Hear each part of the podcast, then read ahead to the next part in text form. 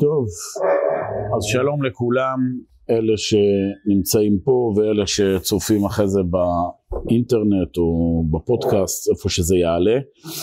אנחנו התחלנו אה, סדרת שיעורים חדשה, ואחד מהספרים היותר עמוקים והפחות ידועים אה, בספרות המוסר, ספר שנקרא תומר דבורה. אני אומר שזה ספר מוסר, למרות שזה, ההגדרה המדויקת שלו זה ספר קבלה. אני חוזר בעיקר, ממש בקצרה על מה שראינו בפרק הראשון. ספר תומר דבורה, ספר שנכתב על ידי הרמ"ק, רמ"ק זה ראשי תיבות רבי משה קורדוברו, אחד מהמקובלים אה, בצפת, אה, שהוא כתב ספר שהוא לכאורה ספר מוסר, זאת אומרת ספר שעוסק בהדרכה מוסרית ביחס למידות של האדם, אבל פי עקרונות הקבלה, שזה מאוד חריג, אין כמעט אה, ספרים מהסוג הזה, בדרך כלל לא שעוסקים בתורת הקבלה וכל מיני רעיונות מאוד מופשטים, או תורת המוסר, שזה משהו, הדרכה אה, פרקטית נפשית, ופה זה שילוב של שני הדברים, וזה משהו שמי שנפתח אליו יכול אה, לקבל מזה עולם חדש בכל העבודה המוסרית והרוחנית. אה, הספר בנוי על עשר הספרות, בסדר? על פי תורת הקבלה יש בעולם עשר הנהגות, זאת אומרת מידות או נקרא לזה כיוונים רוחניים שהעולם אה, בנוי מהם. ומה שעושה הרמ"ק שהוא מסביר איך כל מידה אפשר ליישם אותה בעבודה המוסרית, זאת אומרת איך אה, אנחנו מדמים לקדוש ברוך הוא בזה שאנחנו הולכים במידותיו אנחנו לוקחים את העקרונות הרוחניים שעל פיהם העולם נוצר, כן, זה כתר, מלכות, אה, הוד, תפארת, כל מיני אה, מילים שכולנו שמענו עליהם, אבל אף אחד לא כל כך סגור מה, מה המשמעות שלהם, אז פה זה ידויק. יש עשר אה, הנהגות רוחניות בעולם, שהדרך להידבק בבורא זה שאנחנו מיישמים בחיים שלנו את ההנהגות הללו. הפרק הראשון וגם הפרק השני עוסק במידה שיש טוענים שהיא אפילו מעל כל המידות, היא לא חלק מעשר הספרות אלא היא עומדת בפני עצמה וזו מידת הכתר.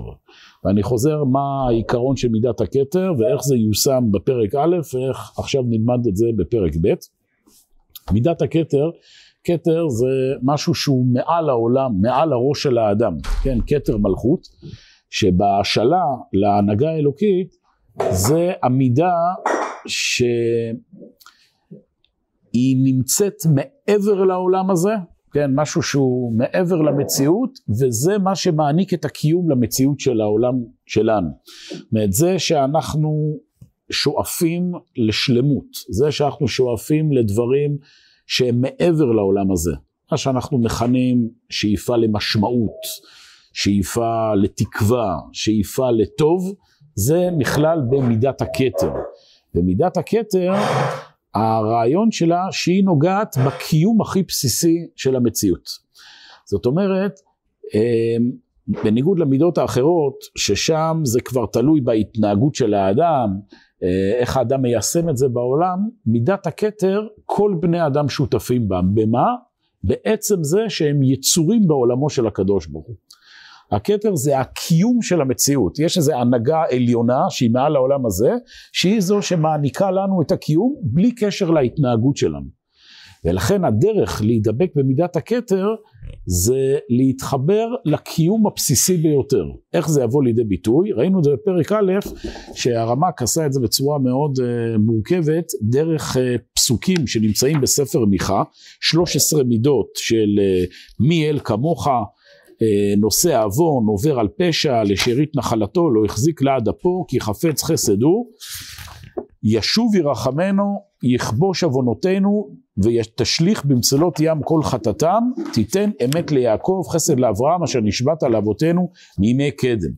מה שהוא עשה שם פרק ראשון, זה שהוא לקח את 13 המידות הללו, פירק כל אחת בפני עצמה, והסביר שכאשר אדם נתקל במישהו שעשה לו רע, כן, מישהו שפגע בו, אדם צריך להידמות לבורא בזה מי אל כמוך, הקדוש ברוך הוא הוא כזה עליון שהוא מוכן להחיות גם את מי שחטא כנגדו, נכון? גם כשבן אדם חוטא הוא עדיין חי, בסדר? איך הוא מסוגל לחטוא? בזה שהוא מזיז את היד. מי נתן לו את הכוח להזיז את היד? הקדוש ברוך הוא. זאת אומרת, הקדוש ברוך הוא מחיה את האדם אפילו שהוא פועל כנגדו. יש, כמו שהסברתי קודם, מידת הכתר זה שיש הנהגה של הבורא, יש קיום לבורא, יש חיים, בלי קשר להתנהגות שלנו. ואם אדם מסוגל לאמץ את זה גם בחיים שלו, זאת אומרת, גם שמישהו פגע בי, אני מסוגל להתייחס אליו עכשיו בכבוד מצד זה שהוא בן אדם, מצד זה שהוא יצור שהקדוש ברוך הוא ברא בעולם, שחביב אדם שנברא בצלם, אז אדם קצת מתדבק במידת הכתר. אדם לא עכשיו פועל רק על פי האינטרסים האישיים, מה הוא עשה לי, מגיע שאני אתן לו כבוד, מגיע שאני אתייחס אליו. לא. מי אל כמוך? אדם מתחבר לכך שיש חיים בעולם הזה, וכל אדם לא משנה מה הוא עושה, הוא עובר שם 13 אפשרויות, שבן אדם עושה את הדברים הכי גרועים, גם חוטא, גם ממשיך לחטוא, ממשיך למרוד מול הבורא וזה, יש כל הזמן איזה נקודה קיומית שהקדוש ברוך הוא ממשיך לחיות אותו. ואם אדם מצליח להתחבר לנקודה הזו, כל היחס שלו לחברה, כל היחס שלו למציאות הופך להיות אחר לגמרי. הוא הופך להיות אדם שבכל רגע נתון, גם אם הוא סופל פגעים, גם אם אנשים אה, עושים לו דברים רעים, גם שהוא נתקל בכאבים, הוא כל הזמן קשור אל הקיום הבסיסי שהבורא שם אותו בעולם. זאת אומרת, זה באיזשהו מקום, זה, ה, נקרא לזה יסוד העושר. אומרת, אנחנו, למה אנחנו לא מאושרים? כי אנחנו כל הזמן תלויים במה שקורה לנו. כן, מישהו העליב אותנו, אז אנחנו עכשיו uh, מרגישים רע. Uh, נכשלנו באיזה מבחן, אנחנו מרגישים ש... קיצור, לא, uh, לא טוב לנו. אם אדם מתחבר, מעביר על מידותיו, זאת אומרת, הוא מסוגל להתייחס לכל הפגעים במציאות, להתעלות מעל הפגעים ולהמשיך להחיות אותם, להמשיך להתייחס אליהם, להמשיך לראות בהם את הנהגת הבורא, הוא שייך למידת הכתר. הוא נמצא כבר במצב כזה ששום דבר לא יכול לפגוע בו. זה אדם שהוא מעל כל העלבויות, מעל כל החשבונות, הוא מתדבק בזה שהקדוש ברוך הוא שם אותי בעולם, הקדוש ברוך הוא שם אותו בעולם, יש את השולחן הזה בעולם, יש את הבעל חיים הזה בעולם, לכל דבר יש את המקום שלו בעולם, בלי קשר להתנהגות שלו, ושם אני מוצא את החיבור. זה הפרק א', זה מובן וקצת מופשט, אני מקווה שמי שהיה והייתה בשיעורים הקודמים, אז בשיעור הקודם, אז ראו את זה בפנים. עכשיו שימו לב, פרק שני, ממליץ לכולם להסתכל בפנים, שוב מי שאין לו ספר, אפשר פשוט באפליקציה, בגוגל, לכתוב תומר דבורה, ויקי ציטוט, תסתכלו פרק שני, אמ, שעכשיו הוא מביא עוד תנאי להגיע למידת הכתר, כן, מידת הכתר זוכה לשני פרקים, פרק א' וב', שאר המידות הם יתחלקו על שבעת הפרקים הבאים, ובפרק האחרון יעשה איזה סיכום, אבל מידת הכתר זה המידה החשובה ביותר, אז תנאי אחד אמרנו, זה להיות במצב שאדם מתחבר אל הקיום הבסיסי של הדבר בעולם, הקדוש ברוך הוא מחיה כל דבר בלי קשר להתנהלות שלו. עכשיו דבר נוסף, אני אומר כבר את הכותרת, זו ענווה. בשביל לגעת במידת הכתר, בשביל להגיע למצב שהאדם הוא מחובר אל שורשי הקיום, ובכל תנאי, בכל מצב הוא שומר על קור רוח, בכל תנאי, בכל מצב הוא שומר על uh, דבקות בבורא, הוא צריך להיות עם ענווה. ומה שהוא יעשה פה עכשיו פרק ב', הוא מסביר את הענווה על פי הפרצוף של האדם. שוב, זה, אמרנו, זה תורת הקבלה. הוא מסביר שכל איבר בפרצוף של האדם, הוא מבטא זווית אחרת בנושא הזה של הענווה. אז בואו נקרא. עוד להיות דומה לקונו בסוד מידת הכתר, צריך שיהיה בו כמה גופי פעולות שהם עיקר ההנהגה. מי שרוצה להידמות למידת הכתר, הוא צריך להתנהג בכמה כללים. האחד כולל את הכל, מידת הענווה. מפני שהיא תלויה בכתר, שהרי היא מידה על כל המידות ואינה מתעלית ומתגאית למעלה, אמנם יורדת ומסתכלת למטה תדיר. שימו לב, כתר, זה נכון, זה הדבר שהכי נמצא גבוה על ראש המלך. בשביל לקבל את הכתר צריך כלי, צריך משהו שמוכנים לשים עליו את הכתר. הענווה, מה הרעיון של הענווה? שאדם לא מתגאה. אדם נמצא בפתיחות, כן, הוא אומר, מסתכלת כלפי מטה. הענווה זה היכולת של האדם להיות מוכן לשים עליו את הכתר, לקבל עליו את ההנהגה של הבורא, במילים אחרות, להבין שהמציאות שהקדוש ברוך הוא מנהל בעולם, היא לא תמיד כמו שאנחנו רוצים. אם זה הקו שחורס פה את כל הכיוון הנפשי שתומר דבורה מוביל. יכולת השלמה עם המקום שלי בעולם. גם כאמור שיש דברים פה שנראים לי איומים ונוראים. והוא אומר כך, למה הענווה זה ההסתכלות כלפי מטה, למה הענווה זה היכולת לקבל משהו עליון, זה מבית טעמים. האחד, שהוא בוש להסתכל בסיבתו.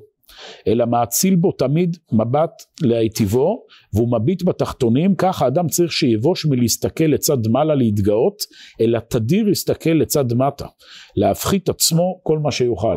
שפת הגוף של הענווה, כמו שכולם בוודאי מכירים, מאיגרת הרמב"ן, הרמב"ן שהוא נותן המלצה איך אדם מתנהג בענווה, אז ההדרכה המרכזית שלו, ראשך יהיה כפוף למטה לארץ. זאת אומרת, אדם לא הולך ככה, אלא הולך טיפה בהליכה טיפה שפופה, כן, לא הכוונה האדם הולך כמו איזה מסכן, אלא עם סוג של התבטלות כלפי הגודל.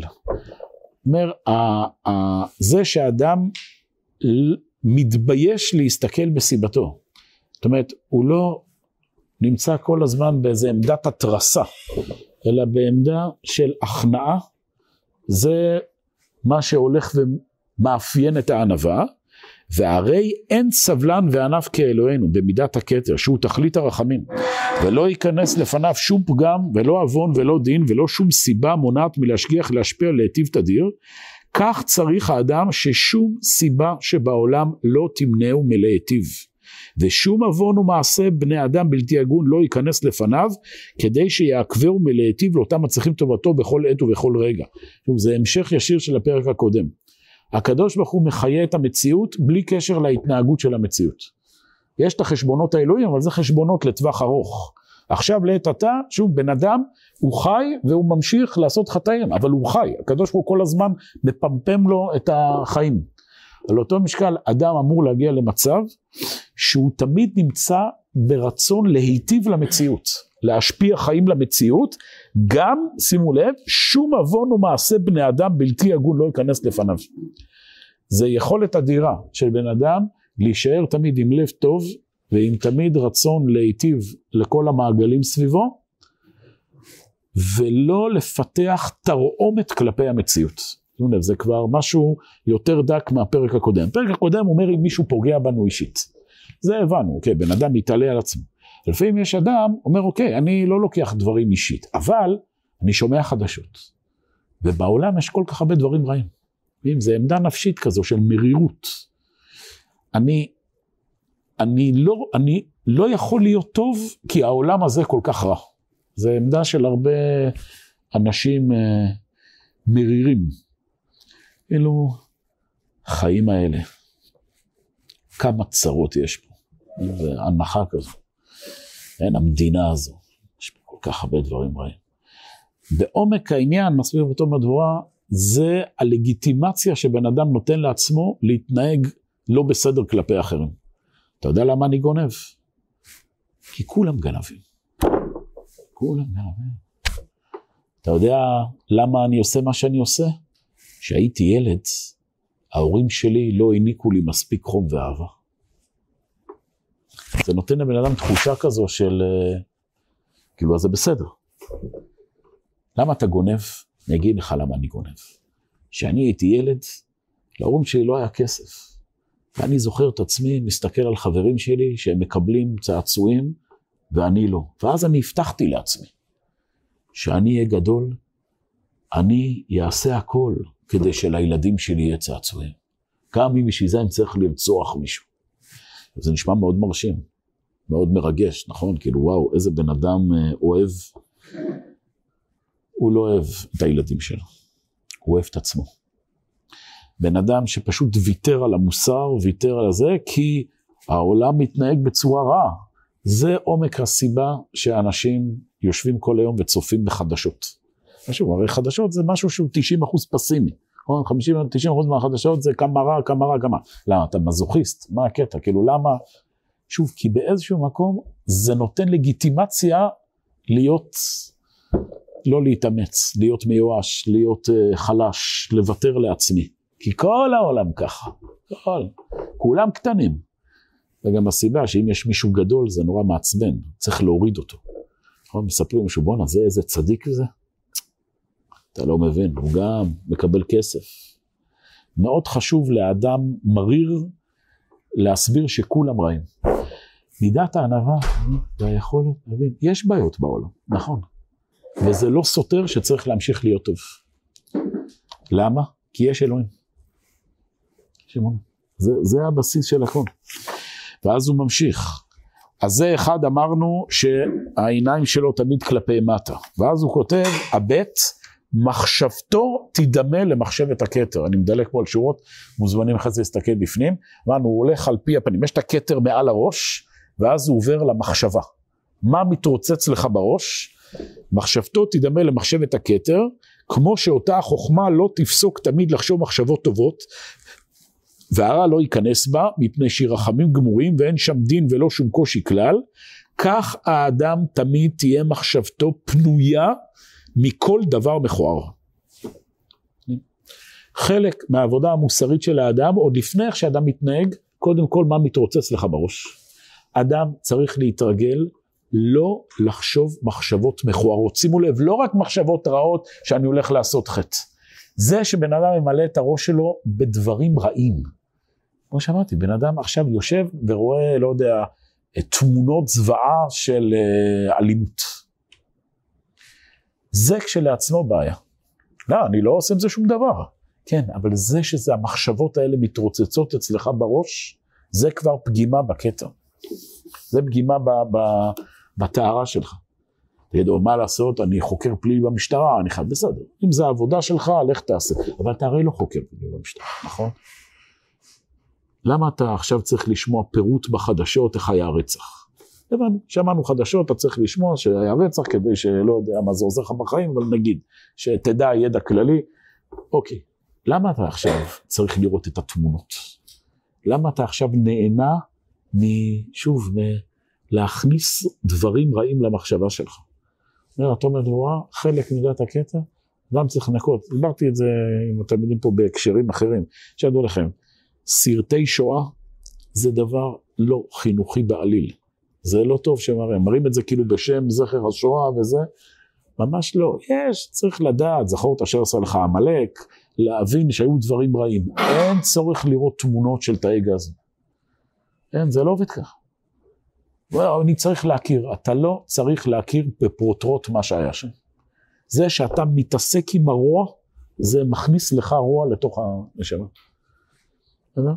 זה גם מי שמכירה או מכיר, יש אה, דבר שנקרא תורת המרות, בחסידות, איזה היגיון, שאם אדם רואה משהו רע, זה באיזשהו מקום שיקוף לרוע שיש בתוכו. זה לא שאם חלילה הלכנו ברחוב ופתאום ראינו מישהו גונב, זה אומר שיש בי גניבה. אבל זה שלמשל בן אדם נהנה לראות אנשים רבים. זה יצר מאוד נחמד, כמו הילדים הקטנים. יאללה מכות, נכון? זה כיף. כיף לראות כזה. אנחנו נמצאים באיזה אירוע, ויש שם איזה דוד, איזה דודה שככה עושים בלאגן. יש איזה כיף כזה, כאילו, יש פה אקשן כזה, אני לא בעניינים, כן, אני, זה, זה כל הכיף, אנחנו רק בוחנים מהצד כזה. רע מאוד, בן אדם צריך כמה שיותר לא להיות במקומות כאלה, לא, יש כאן משהו, לא רוצה לשמוע, לא רוצה לדעת, אלא אם כן זה רלוונטי למשהו שאני צריך עכשיו לעשות. אז זה דבר ראשון, המחשבה. המחשבה צריכה להיות מנוקה מכל דבר מכוער. ג', שימו לב, מצחו לא יהיה קושי כלל. הוא הולך, אמרנו, על חוכמת הפרצוף, מתחיל במחשבה, ממשיך דרך המצח. מצח, שימו לב, יש ביטוי כזה, מצחו מצח נחושה. אם שמעתם פעם את הביטוי הזה, מופיע בתנ"ך. נחושת זה מתכת שלא מזיעה, כאילו היא לא, אין בה לחות. יחסית פעם זה נחשבה המתכת הכי יבשה. אז אה, יש כזה ביטוי בתנ"ך, שמיים, שמי נחושת, כאילו שמיים שלא מורידים גשם.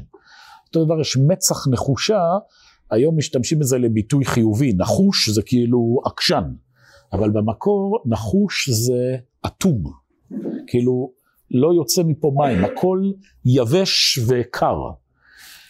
מצחו לא יהיה בו קושי כלל, זאת אומרת, אדם צריך להיות במצב שהוא לא קשה. במילים אחרות, הוא לא כועס. מצחו לא יהיה קושי כלל, אלא ידמה תמיד למצח הרצון, שירצה את הכל. כתוב על הכהן הגדול, שהיה לו על המצח, מה היה? ציץ. זה היה סוג של תכשיט. למה? שהציץ הזה מכפר על עוונות עם ישראל. זאת אומרת, המצח, שזה כאילו המקום שלכאורה דווקא אמור להתבטא פה, נכון שאדם כועס אז יש פה קמטים, כאילו זה, כאילו המצח הוא משהו שמבטא את הקשיחות, דווקא שם אדם צריך מצח רצון, שירצה את הכל, כן, הציץ מרצה על עוונות בני ישראל. אדם צריך להיות במצב שהוא רוצה שיהיה טוב בעולם. זה שבן אדם הוא כזה קשוח וכל הזמן מתנגח עם המציאות, זה לא מידת הכתר. אפילו שימצא בני אדם כועסים, ירצם וישקיטם ברצונו הטוב.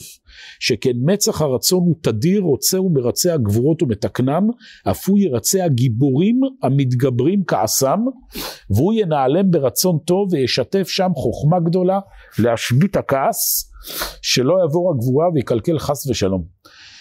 טוב, יש פה הרבה מושגים קבליים, אין לנו זמן להתעכב על כל אחד מהם, אבל העיקרון הוא שוב, המצח מבטא את הנחישות במשמעות השלילית שלה, כאילו את הקשיחות.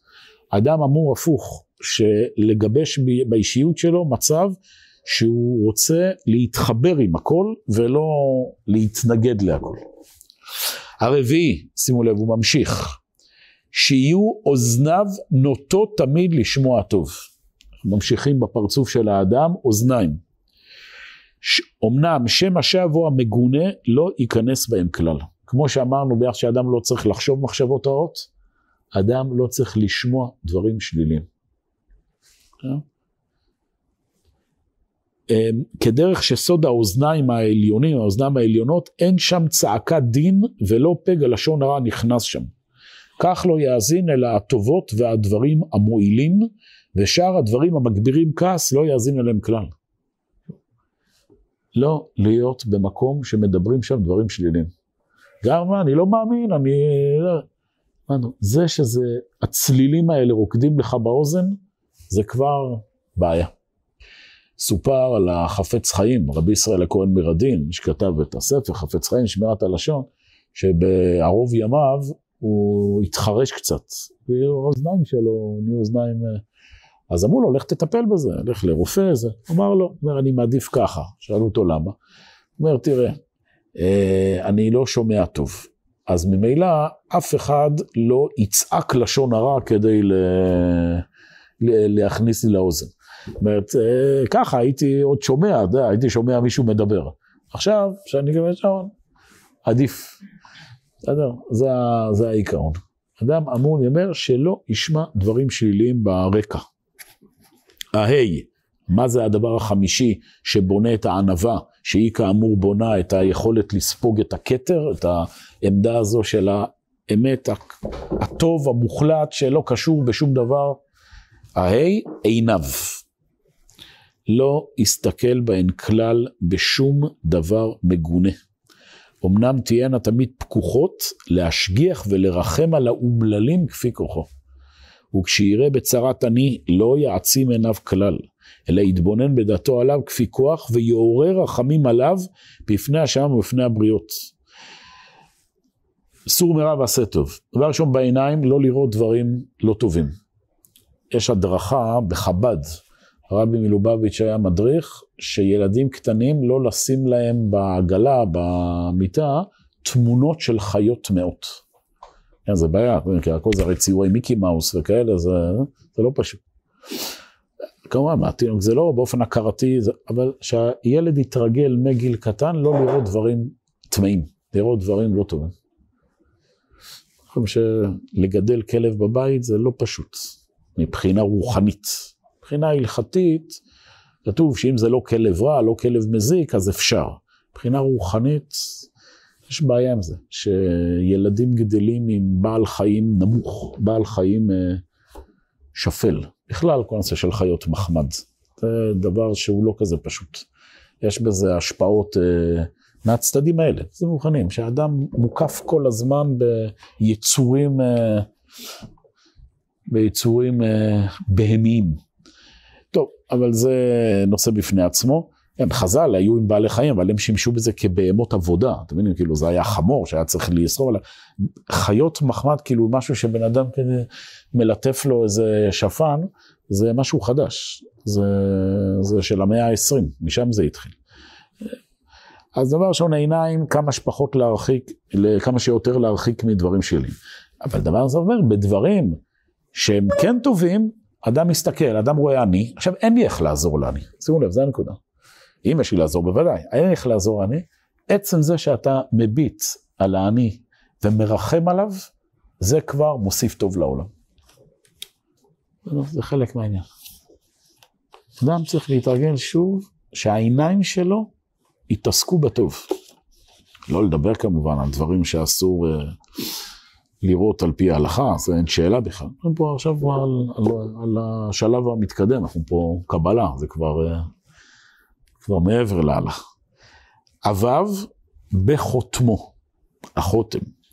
מעולם לא יימצא בו חרון אף כלל, אלא תמיד באפו חיים ורצון טוב ואריכות אף, אפילו לאותם שאינם הגונים, ותמיד רצון, רוצה למלות רצון ולהפיק כל שאלה ולהחיות כל נדבה, ומוציא מחותמו תמיד מחילת עוון ועברת פשע.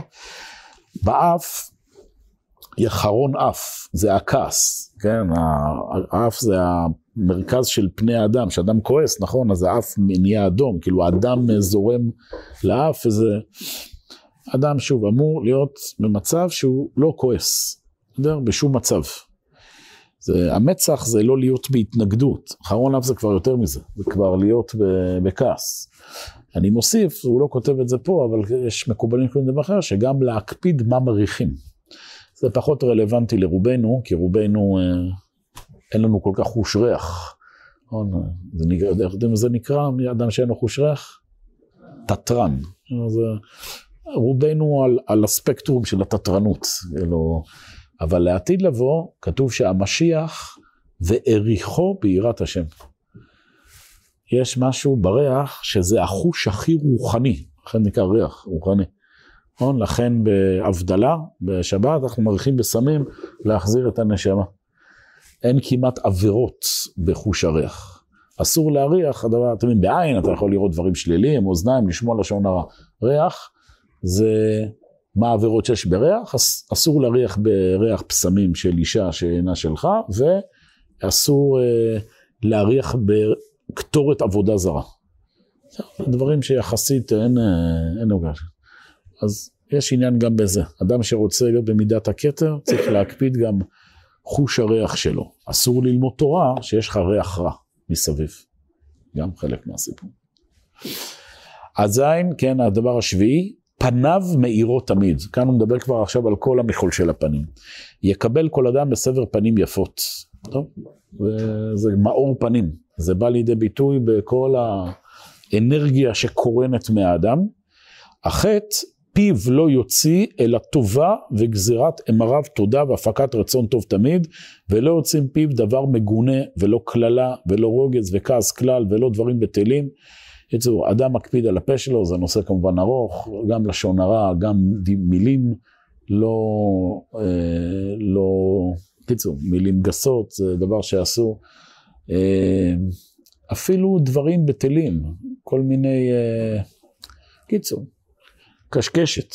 כשאדם יושב ומבזבז, יש כזה גם ביטוי קבלי, שלכל אדם יש סך דיבורים שהוא מקבל בימי חייו, ובאיזשהו שהוא מבזבז אותם, אז הוא מת.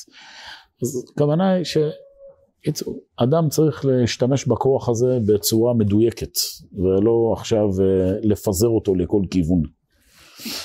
הרי אלו שמונה מידות טובות וכולם תחת דגל הענווה, שכולם למעלה בכתר באיברים העליונים, ובעת שירצה אדם להתקרב למעלה להידמות אליו, לפתוח מקורותיו אל התחתונים, אדם רוצה להיות צינור שפע לקדוש ברוך הוא, צריך שישתלם בשני פרקים אלו. יודע, מי ש...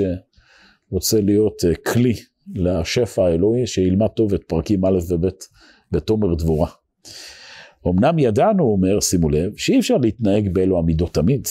זה, זה מאוד מיוחד, אה, אני לא יודע כמה יצא לכם ללמוד פעם ספרי קבלה, זה סגנון שלא קיים כמעט בשום, ברוב ספרי הקבלה זה הכל כאלה רעיונות מופשטים, לא, בלי להוריד את זה ל... להדרכה מעשית. ופה זה, זה ספר מוסר, הוא לוקח את זה ל... להכוונה, הוא אומר, תדע לך, אני יודע שקשה להחזיק בטהרה המוחלטת הזו כל הזמן. מפני שיש מידות אחרות שאדם צריך להשתלם בהן, והן מהגבורות התחתונות כאשר נבהר. אומר, אדם צריך גם להשתמש בכוחות שלו, אדם צריך גם לדבר, אדם צריך גם לראות, אדם צריך לשמוע לדברים חיוביים, אז אתה לא יכול להיות בטהרה מוחלטת. אבל זה אומר, לא כל הימים, אבל יש ימים מיוחדים שכן. אבל יש ימים ידועים שאין הגבורות פועלות ואין בני אדם צריכים להם. יש ימים שאנחנו צריכים לפעול בעולם הזה, אנחנו חייבים להשתמש בכל הכוחות, ואז באופן טבעי אנחנו נאלצים לראות גם דברים שליליים, לשמוע, אבל יש ימים שאדם לא צריך לפעול בעולם הזה. אלה ימים? איזה ימים? שבתות וימים טובים. לפי, אומר, יש ימים שהכתר שולט בהם, או שעולם שהכתר מתבקש, אז צריך שישתמש בכל אלה המידות שזכרנו, אמנם שאר המידות, אם היותן שהן צורך עבודה בשעתן, אז uh, צריך להשתמש בהן. אני מדלג כמה שורות, כגון שבת, שהעולם מתקן בסוד עונג, ואין דנים בשבת. בסדר? שבת זה מציאות של מעין עולם הבא, כאן אדם אמור יותר להקפיד על כל מה שדיברנו במהלך הדברים הללו. שבת, כדאי מאוד. עוד יותר להקפיד, לא לראות דברים שליליים, לא לשמוע דברים שליליים וזה וזה. טוב, זה... בקיצור, לפעמים בן אדם הוא כל כך מכור לשלילה, שבשבת, שאין לו חדשות זמינות, אז הוא מנסה לברר חדשות בבית כנסת. לא טוב. זה מדד שצריך להיות, שיש איזה משהו שקרה בעולם בשבת, ואתם לא מודעים לו עד צאת שבת. זה המדד. אם איכשהו זה יתגלגל לאוזניים שלכם, שמעת, היה פיגוע, שמעת, היה בשבת כך וכך, פחות טוב.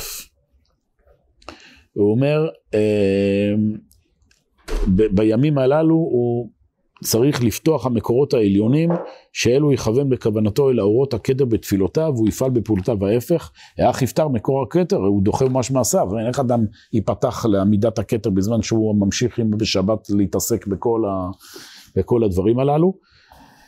אמ, לכן אני שוב מדלג, לכך צריך האדם ביום טוב, בשבתות וביום הכיפורים, ובשעות התפילה ושעות העסק בתורה, אותו דבר.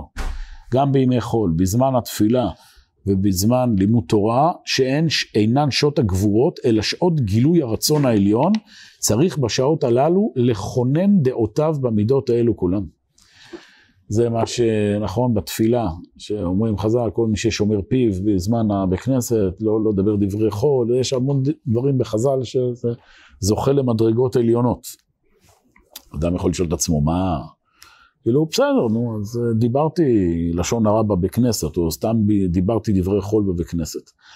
אתה מפספס פה את הפואנטה.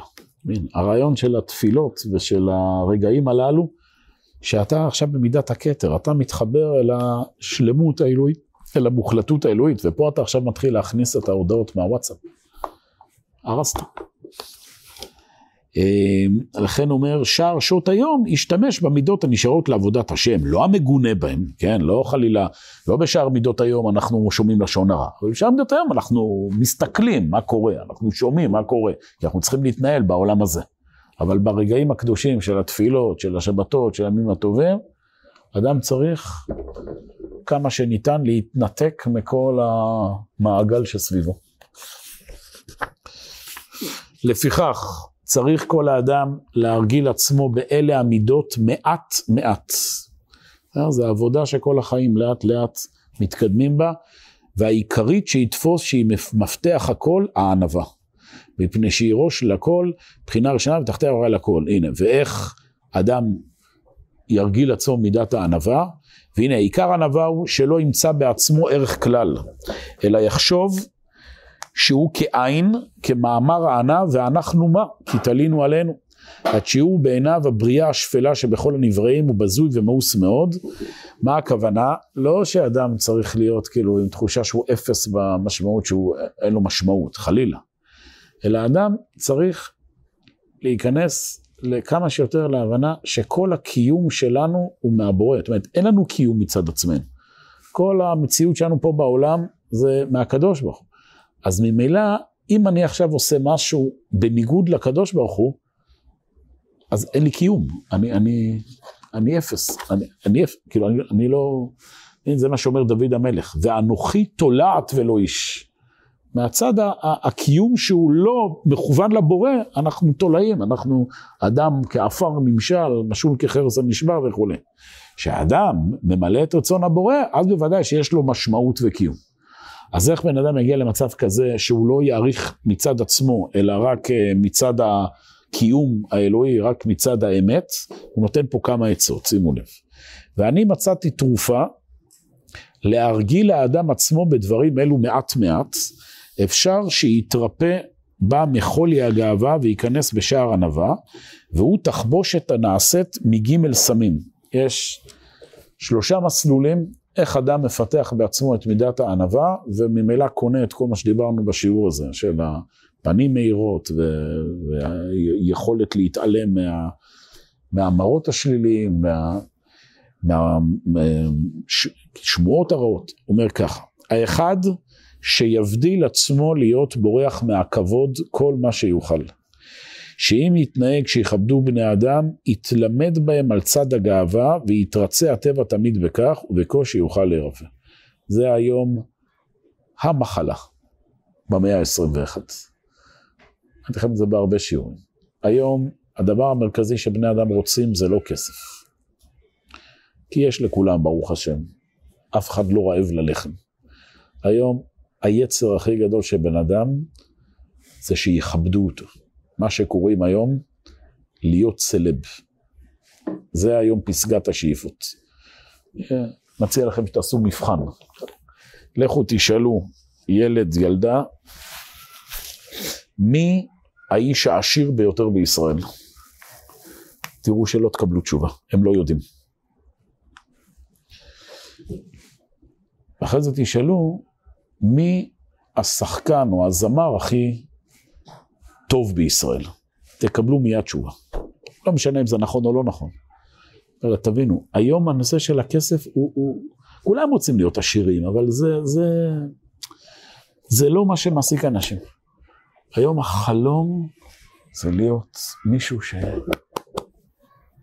להסתובב ברחוב ולתת סלפי. על זה אנשים חולמים בלילה. וזה בדיוק ההפך ממידת הכתר. אדם אמור להיות, מבינים, בורח מהכבוד, כמה שיוכל. שוב, יש מצבים שאדם חייב, מה לעשות, הוא בתפקיד מסוים שהוא צריך אה, להיות איפה שהוא צריך להיות. אבל מבחינה נפשית, שידע, כל פעם שהוא מקבל כבוד, זה מרחיק אותו מה, מה, מהנקודה הקיומית.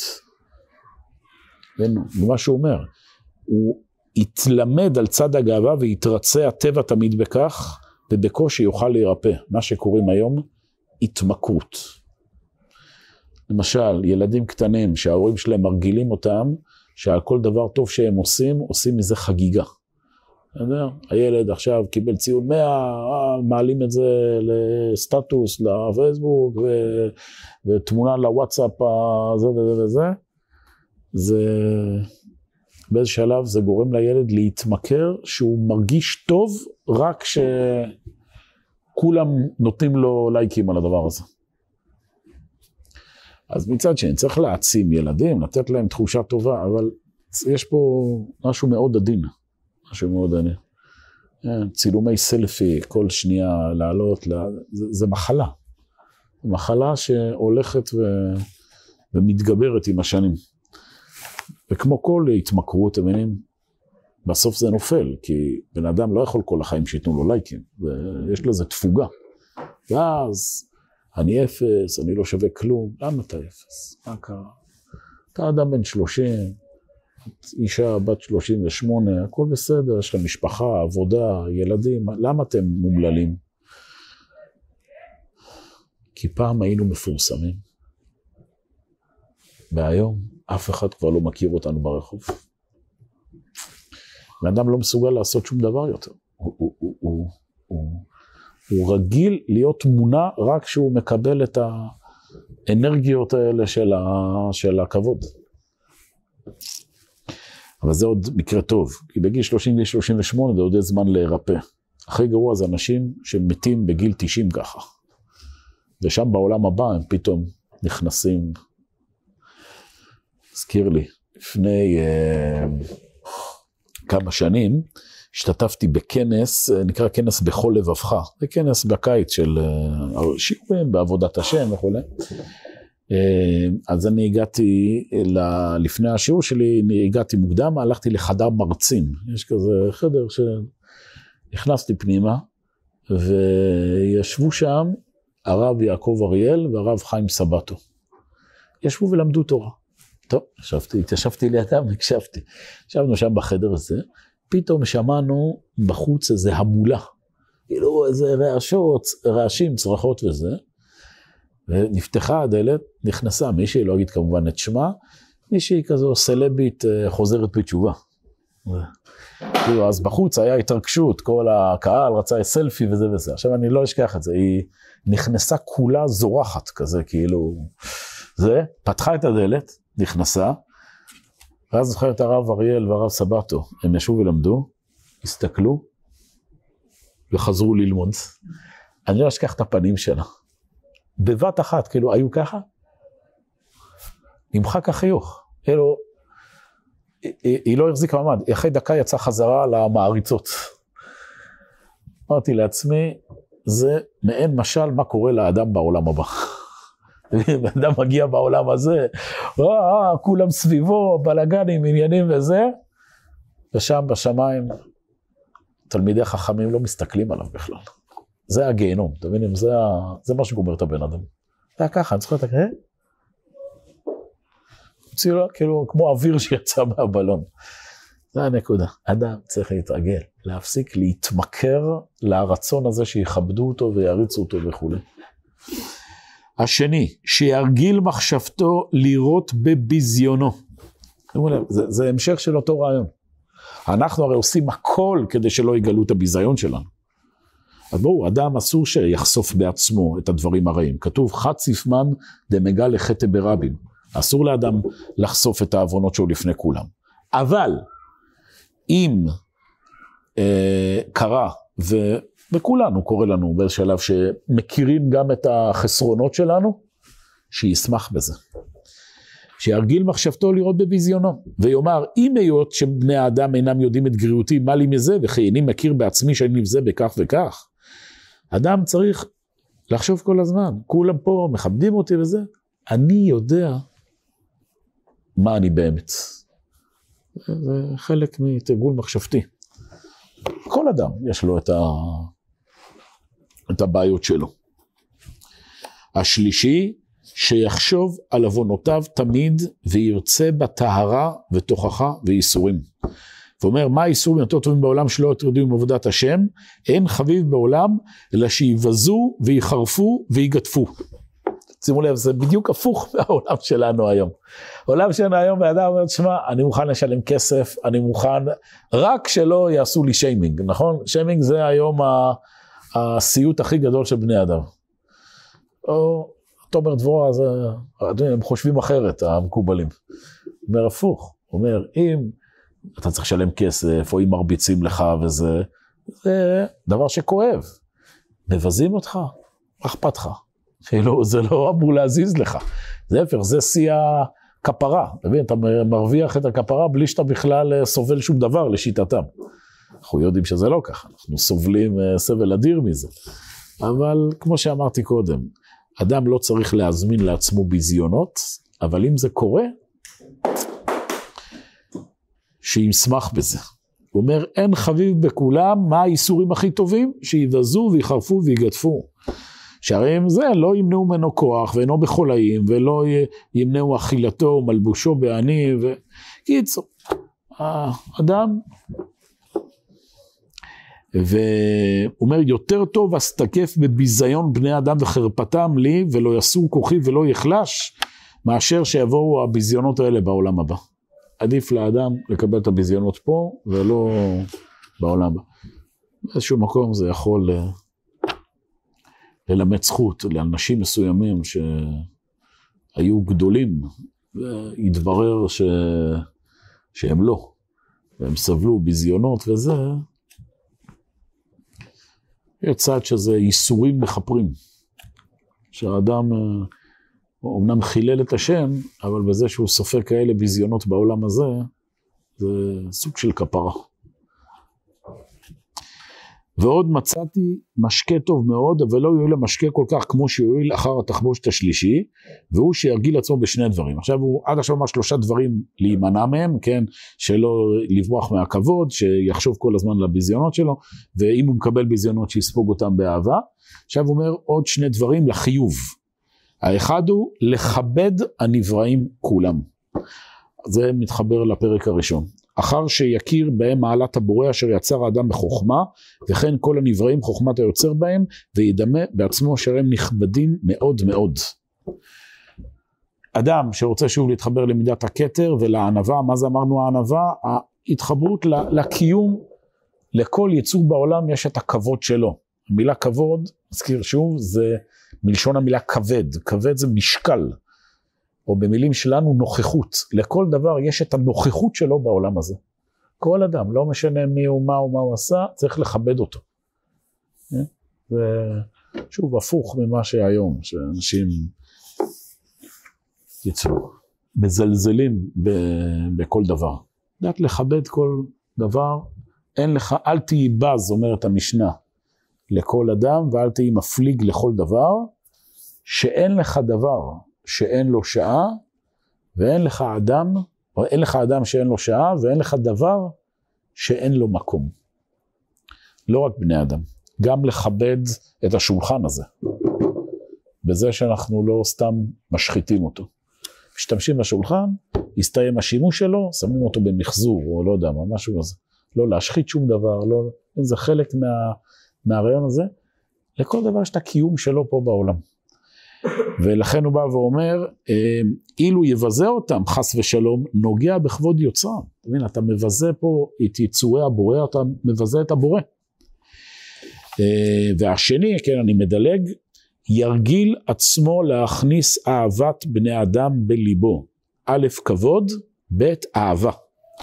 ויואב הכל כאילו היו ממש אחיו ויותר מזה, עד שיקבע בליבו אהבת בני אדם כולם, ואפילו הרשעים יאהב אותם בליבו. ויאמר מי ייתן ויהיו אלה צדיקים שווים בתשובה ויהיו כולם גדולים ורצויים למקום? כמאמר אוהב נאמן לכל ישראל אמר מי ייתן כל השם נביאים. ובמה יאהב אותם? בהיותו מזכיר במחשבתו טובות אשר בהם ויחסה מומם ולא יסתכל בניגיהם כל מה שדיברנו בפרק הזה. איך אתה תאהב את, ה, את כל הברואים? תפסיק לדבר רע על אחרים. תפסיק לחפש להסתכל על הדברים השליליים של אחרים עוד פעם, ככל שאדם בונה בעצמו את העמדה הזו, שהוא מתחבר לנקודה הקיומית של הבורא פה בעולם, ולא עכשיו מחפש את כל המעטפות השליליות, הוא מתחיל להתמלא בכבוד ובאהבה לכולם. יש פה בן אדם, ודיברנו על זה בשיעור שעבר, זה, זה עניין של הרגל מחשבתי. למשל, אנחנו רואים פה עכשיו איזה מישהו שמתנהג בצורה נבזית. כל האינסטינקטים שלנו זה לשנוא אותו, לבזות אותו. בן אדם עכשיו ידמה שנייה את האיש הזה, מה גרם לו להיות כזה? תגלה, שמע, האיש הזה, האישה הזו, אמנם מתנהגים בצורה נבזית, אבל בואו תבינו, זה אנשים שהחיים שלהם היו קשים, זה אנשים ש... שעברו דברים לא פשוטים, ו... ונכון, זה לא בסדר, היו צריכים לעבוד על המידות שלהם, וזה וזה, אבל מה שנקרא, תלמד זכות. ת, ת, תראו שזה עוזר לגבש יחס נפשי של אהבה, גם כלפי אנשים. כל, דעו לכם, כל אדם הכי רשע שיש, תסתכלו את התמונה שלו בתור תינוק, זה יעזור, אה, זה יעזור לה. למה? כי בזה שאתה מסתכל בתמונה של הרשע בתור תינוק, זה לא סתם שהוא חמוד, זה בעצם מחזיר אותך לשורש של הדברים, לשורש הקיום. כולנו נולדנו חמודים, כולנו נולדנו, אלוהים עשה את האדם ישר. זה, זה הסיבה, זה עומק הפסיכולוגיה הרוחנית, למה דברים שהם קטנים, הם נראים לנו תמיד חמודים. שמתם לב לזה. תינוקות חמודים, בעלי חיים, אמרנו לא טוב חיות מחמד, אבל בכל זאת, חתלתולים קטנים הם חמודים. בסדר? כלבים קטנים, כלבלבים הם חמודים. אפילו בצעצועים מיניאטוריים, זה תמיד חמוד, נכון? רואים בית, בית בובות, זה נותן כזה תחושה. אז זה פסיכולוגיה שכל דבר שהוא קטן, הוא כאילו בעצם חוזר לבסיס שלו, למקור, מאיפה הוא, שהוא התחיל. אחרי זה הוא הלך והתרחב, הוא התקער. כל, זה עצה טובה. כל פעם שמישהי או מישהו מעצבנים אתכם, תנסו להשיג תמונה שלהם שהם תינוקות, תנסו לדמיין אותם בתור תינוקות, ותראו שזה עוזר ל, ל, לנקודה הזו. אמ, ויאמר בליבו, אלוהי אני המאוס הזה, בעל ממון רב, כמה הייתי שמח בחברתו, כמה שניסה בחברת פלוני. כן, אותו דבר, אתה פוגש אני, תנסה לדמיין אותו עכשיו לבוש בבגדים יפים. זה, זה, ת, תכניס פה את ה... כי מצד האמת זה צלם אלוהים, זה שהוא עכשיו ככה, שוב, היום זה מאוד מאוד בולט, היום כמעט כל אדם שהוא עושה דברים שליליים, יש לזה נסיבות מקילות.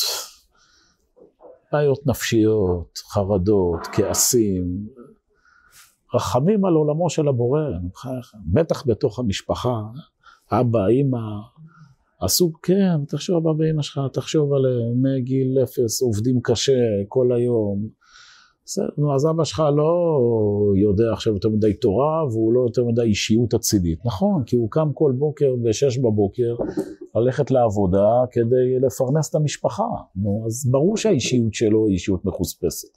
אבל ללמד זכות, לאהוב אותו על הדבר הזה. אימא, אה, מה, היא צועקת, היא חסרת סבלנות. נכון, כי היא גידלה... שבעה ילדים בתנאים לא פשוטים, והיא לא זכתה להשכלה, ולא, ולפני 40 שנה היא לא ישבה ולמדה עשר שנים במדרשה ותואר שלישי באוניברסיטה, אז ברור שהיא אישיות אה, עם הרבה מידות לא טובות. אבל נלך פה לבסיס, ולבסיס הם חלק מעולמו של הבורא, הם חלק מהעולם שלנו, הם ההורים שלנו, הם גידלו אותנו, הם רצו טוב לעולם. זה צריכה להיות העמדה. ואז הוא בא ואומר, כן, אם כן, למה יעדר כבודו בעיניי, והרי בעיניי הוא חשוב ממנו, שהרי קיצור, העני, נגוע, מדוחה, עוני וייסורים, מנוקה מעוון, ולמה אשנא מי שהקדוש ברוך הוא אוהב. ובזה, בכל מה שדיברנו פה בענווה במשמעות הזו, יהיה לבבו פונה אל צד הטוב, ומרגיל עצמו לחשוב בכל המידות טובות שזכרנו. מחשבות טובות, דיבורים טובים, מעשים טובים. ככה יהודי צריך לחיות? להעצים כל הזמן את הטוב, ואיך מעצים את הטוב? שחוזרים אל הבסיס, שחוזרים אל המקור. העולם הזה טוב. הקדוש ברוך הוא, מידת הכתר זה להגיע אל השורש הקיום. שורש הקיום, הקדוש ברוך הוא ברא את העולם הזה בבסיסו טוב. אלוהים עשה את האדם ישר. הם ביקשו חשבונות רבים. מידת הכתר זה לחזור אל הישרות הבסיסית, ואז כל האנרגיה הנפשית היא כזו. בתוך זה עכשיו גם צריך לטפל בבעיות ש... שכן נוצרו בעולם הזה. שאלות? משהו? אוקיי? אז נעצור כאן. פרק ב' תומר תבורה. יאללה.